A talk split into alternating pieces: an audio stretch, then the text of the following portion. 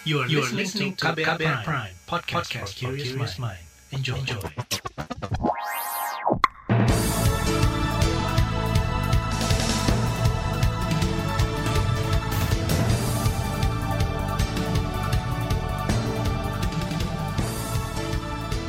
Selamat pagi saudara, senang sekali kami bisa menjumpai Anda kembali melalui program Buletin Pagi edisi Selasa 19 Oktober 2021 bersama saya Naomi Liandra.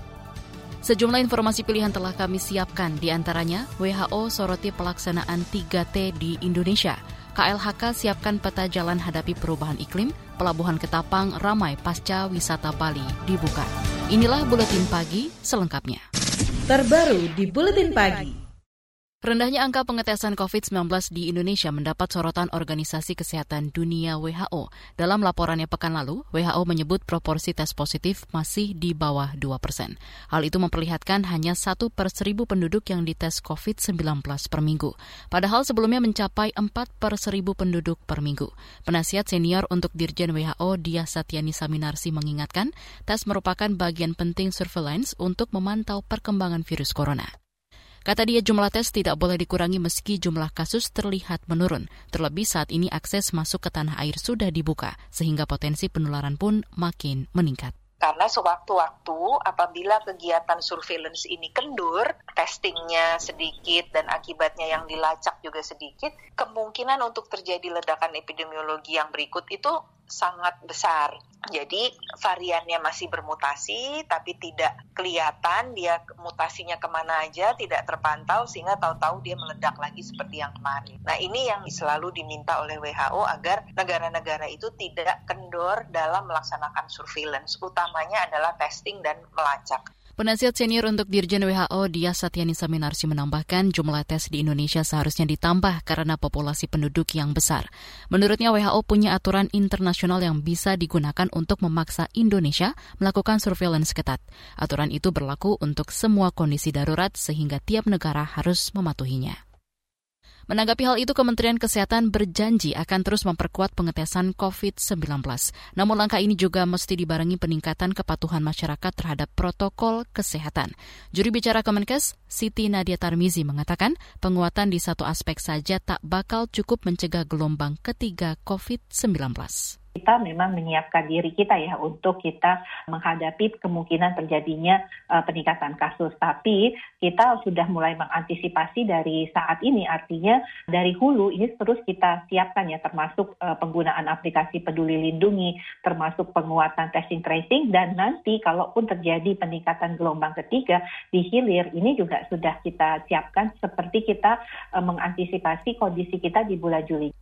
Itu tadi juri bicara Kementerian Kesehatan Siti Nadia Tarmizi. Hal senada juga diungkapkan Menteri Koordinator Kemaritiman dan Investasi Luhut Panjaitan yang meminta masyarakat mewaspadai ancaman gelombang ketiga di tengah berbagai pelonggaran jelang libur Natal dan Tahun Baru. Kata Luhut, dalam waktu dekat pemerintah akan menggelar rapat guna membahas langkah-langkah mitigasi apabila terjadi lonjakan kasus pasca musim liburan. Rendahnya jumlah pengetesan dan juga pelacakan kontak erat terjadi di daerah. Hal ini diakui Kepala Dinas Kesehatan Jawa Timur Erwin Asta Triyono.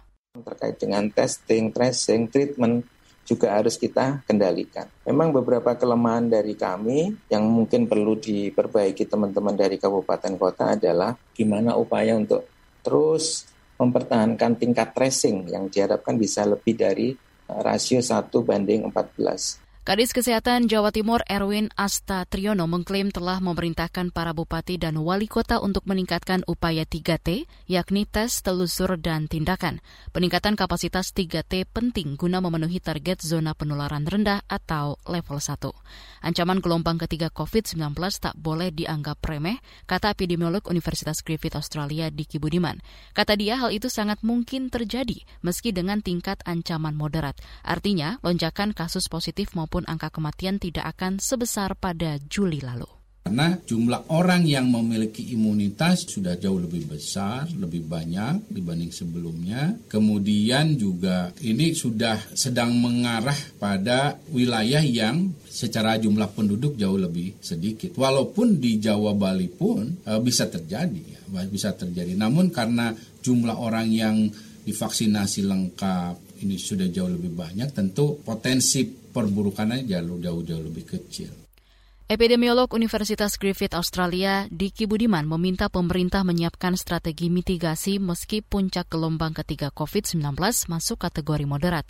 Upaya 3T yakni tes, telusur, dan tindakan juga harus ditingkatkan. Sebab potensi pemburukan bisa terjadi di beberapa wilayah seperti di Jawa, Bali. Menteri LHK siapkan peta jalan hadapi perubahan iklim. Informasi selengkapnya hadir sesaat lagi, tetaplah di Buletin Pagi KBR. You're listening to KBR Pride, podcast for curious mind. Enjoy!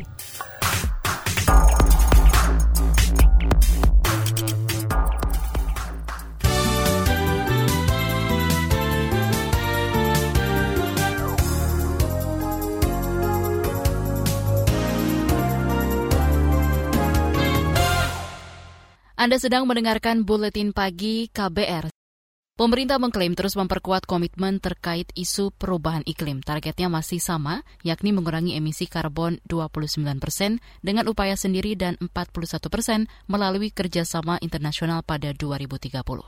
Menteri Lingkungan Hidup dan Kehutanan Siti Nurbaya mengatakan, pembaruan dokumen kontribusi nasional berisi peta jalan, strategi mitigasi hingga adaptasi merupakan bukti komitmen itu. Dokumen tersebut telah diserahkan Indonesia jelang konferensi perubahan iklim PBB ke-26 atau COP26 yang digelar di Inggris November mendatang. Tetapi yang penting dari dokumen yang kita serahkan itu juga didampingi dengan long term strategy. Di situ menunjukkan bagaimana kita berambisi untuk mengatasi atau untuk melangkah di dalam mengatasi uh, perubahan iklim di Indonesia kita. Menteri Lingkungan Hidup dan Kehutanan Siti Nurbaya menuturkan forum COP26 sangat penting karena menandai dimulainya realisasi komitmen terhadap isu perubahan iklim. Ia memastikan Indonesia akan tegas dalam bekerja bukan basa-basi atau deklarasi semata. Menteri Pemuda dan Olahraga Zainuddin Amali akan membentuk tim khusus guna mempercepat pencabutan sanksi Badan Anti Doping Dunia atau WADA. Tim bertugas mengintensifikasi alasan penjatuhan sanksi kepada Lembaga Anti Doping Indonesia atau LADI. Sanksi itulah yang menyebabkan Indonesia tidak bisa mengibarkan bendera merah putih saat menjuarai Piala Thomas 2020 kita akan serius menangani ini dan pihak-pihak yang eh, nanti eh, terindikasi menjadi penyebab dari kejadian ini tentu harus uh, juga bisa mempertanggungjawabkan itu. Nah ini yang menjadi pekerjaan Pak Okto untuk menginvestigasi dan juga mengakselerasi. Jadi dua kita jalan jalan jalan uh, bareng lah. Jadi paralel kita me, berusaha untuk segera mencabut uh, bench wadah kepada Ladi, tetapi secara internal kita juga akan investigasi tentang uh, kejadian ini. Menpora Zainuddin Amali menambahkan, Tim khusus dipimpin oleh Ketua Umum Komite Olimpiade Indonesia Raja Sabta Oktohari. Investigasi dilakukan untuk menyelidiki duduk perkara kasus tersebut, sebab sanksi tidak akan dijatuhkan tanpa ada alasan jelas. Masyarakat diminta waspada terhadap potensi bencana imbas lanina yang menyebabkan curah hujan meningkat. Lanina diperkirakan akan melanda Indonesia pada akhir tahun ini hingga Februari 2022 dengan intensitas lemah sampai sedang. Informasi itu disampaikan Kepala Badan Meteorologi, Klimatologi, dan Geofisika BMKG, Dwi Korita Karnawati dalam konferensi pers kemarin yang diikuti dengan berbagai bencana hidrometeorologi secara sporadis di berbagai wilayah yang terdampak. Dengan adanya potensi peningkatan curah hujan pada periode musim hujan tersebut, sekali lagi, maka kami meminta untuk seluruh pihak perlu meningkatkan kewaspadaan dan kesiapsiagaan terhadap potensi lanjut dari curah hujan tinggi yang dapat memicu bencana hidrometeorologi. Kepala BMKG Dwi Korita Karnawati mengimbau warga bersiap dan belajar dari kejadian lanina tahun lalu. Sejumlah daerah diperkirakan akan mengalami curah hujan tinggi pada akhir tahun. Mulai dari Sumatera bagian selatan, Jawa, Bali, Nusa Tenggara Timur, Kalimantan bagian selatan, hingga Sulawesi bagian selatan. Cakupan vaksinasi COVID-19 di Indonesia per 18 Oktober mencapai 170-an juta dosis atau lebih dari 50 persen dari target 208 juta penduduk. Rinciannya lebih dari 100 juta jiwa sudah mendapat suntikan pertama dan 60-an juta jiwa memperoleh vaksinasi lengkap. Menteri Kesehatan Budi Gunadi Sadikin mengatakan dalam dua bulan terakhir laju vaksinasi mencapai 2 juta dosis per hari. September ini kita sudah menembus angka 2 juta tanggal 22, 23, 29, dan 30. Di Oktober kita sudah menembus angka 2 juta pada tanggal 13 Oktober dan 14 Oktober kemarin. Puncaknya di angka 2,2 juta suntikan per hari. Menteri Kesehatan Budi Gunadi Sadikin memperkirakan cakupan vaksinasi nasional mencapai 290 juta dosis pada akhir tahun ini. Kata dia, pemerintah berupaya mempercepat laju vaksinasi di wilayah dengan capaian rendah seperti Aceh, Sumatera Barat, dan Papua. Sebagian alokasi anggaran dana alokasi umum dan dana bagi hasil akan dialihkan untuk tujuan lain di luar penanganan COVID-19. Hal itu disampaikan Menteri Koordinator Perekonomian Airlangga Hartarto usai rapat terbatas evaluasi PPKM kemarin. Tadi dalam rapat juga eh, ada usulan dari Menteri Keuangan terkait dengan optimalisasi pemanfaatan dana IRMAK 8% dari DAU DBH yang biasanya digunakan untuk penanganan COVID, namun eh, tadi diputuskan oleh Bapak Presiden dapat digunakan untuk tujuan lain, mengingat bahwa kasus COVID sudah turun sangat signifikan di berbagai daerah dan anggaran bisa dimanfaatkan untuk tujuan lain yang diperlukan di daerah. Menko Perekonomian Erlangga Hartarto menambahkan perubahan aturan terkait pengalihan anggaran tengah disiapkan Menteri Keuangan Sri Mulyani. Kebijakan ini ditempuh lantaran situasi COVID-19 makin terkendali. Kasus aktif turun menjadi 0,5 persen atau di bawah angka global sebesar 0,7 persen. Kita ke informasi olahraga dari Liga Inggris. Arsenal ditahan imbang 2-2 oleh Crystal Palace di Stadion Emirates Selasa dini hari. Bermain di kandang sendiri, The Gunners unggul lebih dulu di menit ke-8 lewat sontekan Pierre-Emerick Aubameyang. Namun di babak kedua, Crystal Palace justru sempat berbalik unggul 2-1 setelah sukses menyerangkan dua gol melalui Christian Benteke dan Onson Edward. Beruntung tuan rumah berhasil menyamakan kedudukan lewat Alexandre Lasaste di masa injury time. Dengan hasil ini, Arsenal harus turun ke peringkat 12 klasemen sementara Liga Inggris. Kita ke informasi mancanegara.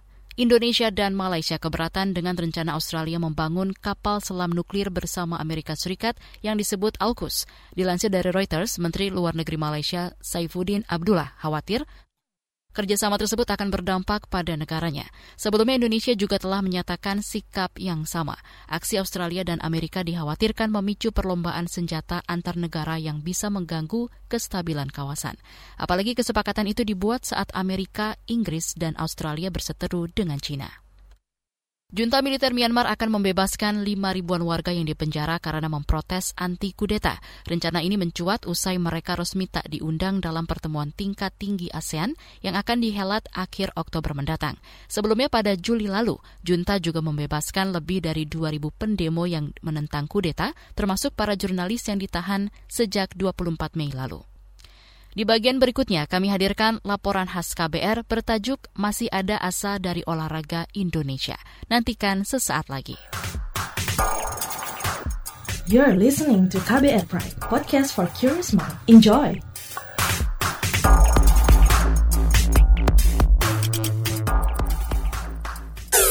Commercial break.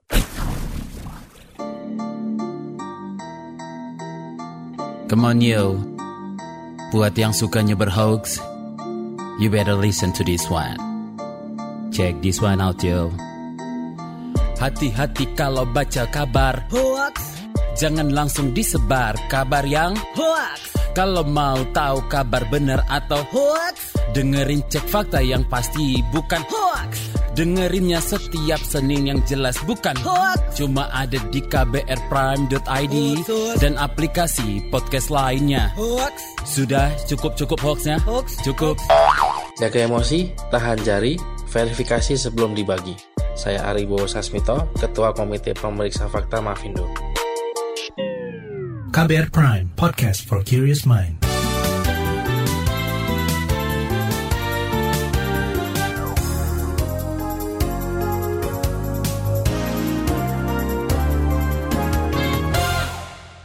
Anda masih bersama kami di Buletin Pagi KBR.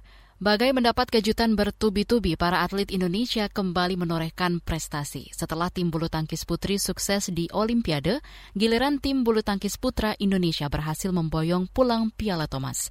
Sebelumnya, ajang PON ke-20 Papua juga memecah sejumlah rekor nasional maupun internasional. Ini menjadi bukti bahwa olahraga yang masih berpotensi mengukir prestasi di masa pandemi COVID-19. Berikut laporan khas KBR dibawakan Aika Renata. Sebanyak 90 rekor baru olahraga tercatat dalam hajatan olahraga Akbar PON ke-20 Papua beberapa hari lalu. Rekor yang pecah tidak hanya di tingkat nasional, tapi juga rekor internasional khususnya di kawasan Asia. Ketua Umum Komite Olahraga Nasional Indonesia KONI Pusat, Marsiano Norman menyatakan, ajang PON ke-20 Papua berjalan sukses nyaris tanpa kendala. Salah satu tolak ukur keberhasilan PON adalah tercapainya rekor-rekor baik nasional maupun internasional. Ia mengaku bangga atas capaian atlet Indonesia yang mampu berprestasi di masa pandemi. Di masa pandemi COVID-19 ini atlet kita masih mampu berprestasi, masih bisa memecahkan rekor nasional maupun rekor PON. Salah satu rekor tingkat Asia dipecahkan Susi Susanti, lifter asal Kuningan, Jawa Barat. Susi mengaku senang bisa menorehkan prestasi meski dalam keadaan pandemi COVID-19. Nah, apa ya? Nggak bisa diiniin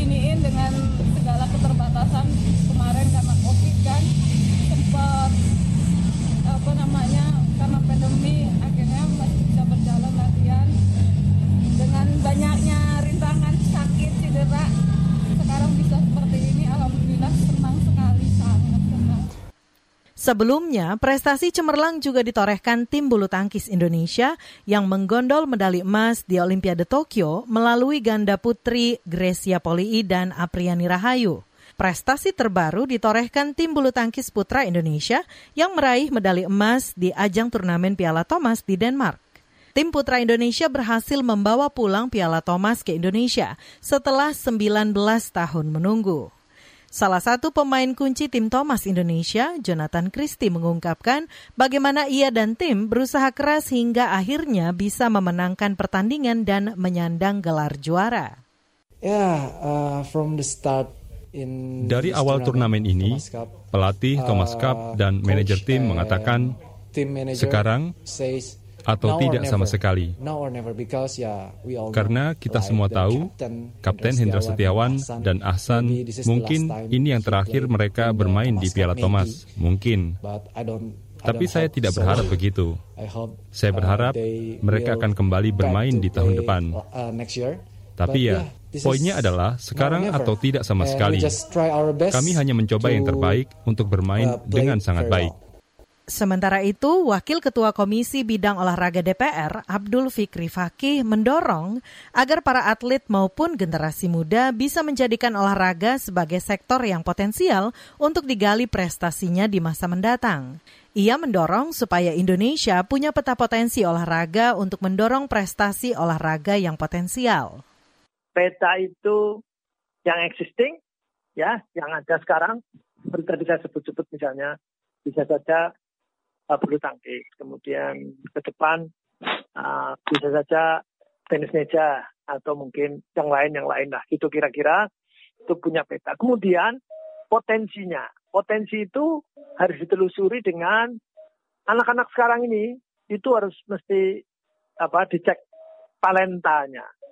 Itu sejak awal, sejak usia dini, anak itu harus sudah dideteksi kemampuan olahraganya apa, kemudian nanti berprestasi apa. Abdul Fikri berharap masa depan atlet ke depan bakal lebih baik dengan adanya undang-undang sistem keolahragaan nasional. Anak muda jangan ragu-ragu untuk berprestasi di olahraga karena olahraga eh undang-undang sistem keolahragaan nasional ini nanti juga merespon uh, banyak atlet-atlet yang berprestasi tingkat internasional tapi masa depannya tidak jelas. Nah, ini sistem undang-undang sistem keolahragaan nasional yang baru ini nanti akan menjamin kehidupan mereka sehingga uh, jaminan kesehatan, jaminan apa sosialnya ke depan jelas. Jadi. Laporan ini disusun Astri Septiani. Saya Aika Renata. Informasi dari berbagai daerah akan hadir usai jeda. Tetaplah bersama Buletin Pagi KBR. You're listening to KBR Pride, podcast for curious mind. Enjoy!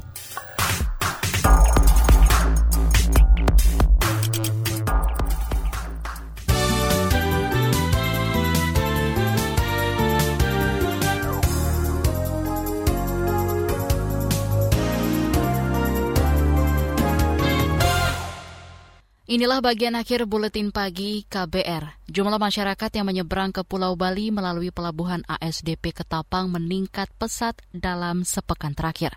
Menurut manajer usaha PT ASDP Ketapang Banyuwangi Marsadik, para penyeberang didominasi pengguna kendaraan roda 4 dan bus pariwisata dari luar daerah, seperti Palembang, Bandung, Jakarta, Semarang, dan Surabaya sangat berpengaruh. Ini hmm. udah satu minggu ini udah mulai pergerakannya udah mulai nampak lah. Kita peningkatannya sampai 30 persen. Uh, maksudnya dari awal, jadi sekarang biasanya kan kami ting anunya mobil kecil yang terutama ya. Kalau logistik kan tetap. Kayaknya adanya kebijakan deh, adanya kelonggaran di Bali sendiri. Lebih lanjut, manajer usaha PT ASDP Ketapang Marsadik mengatakan sebagian besar yang menyeberang ke Pulau Bali adalah wisatawan lokal.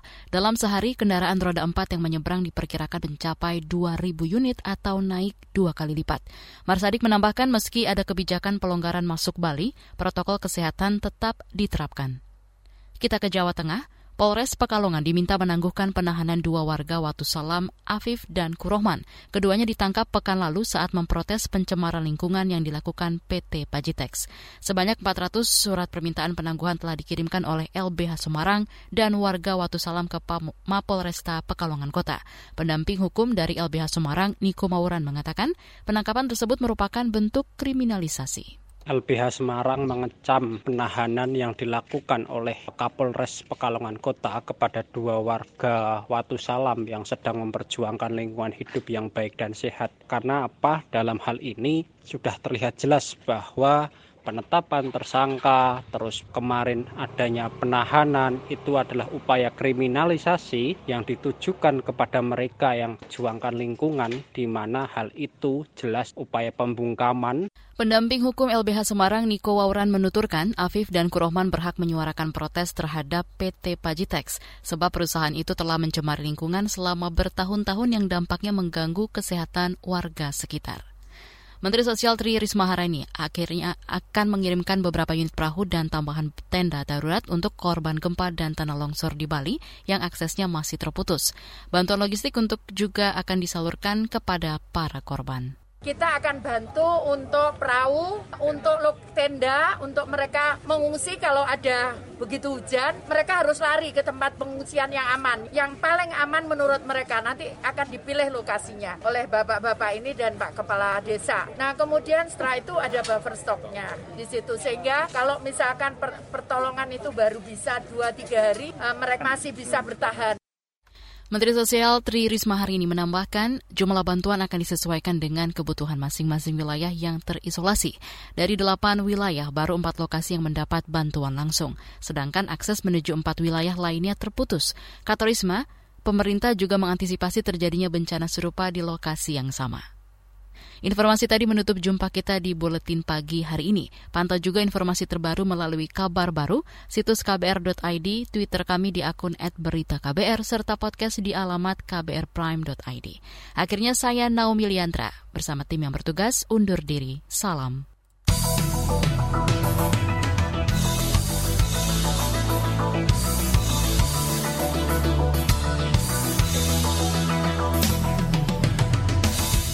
KBR Prime, cara asik mendengar berita. KBR Prime, podcast for curious mind.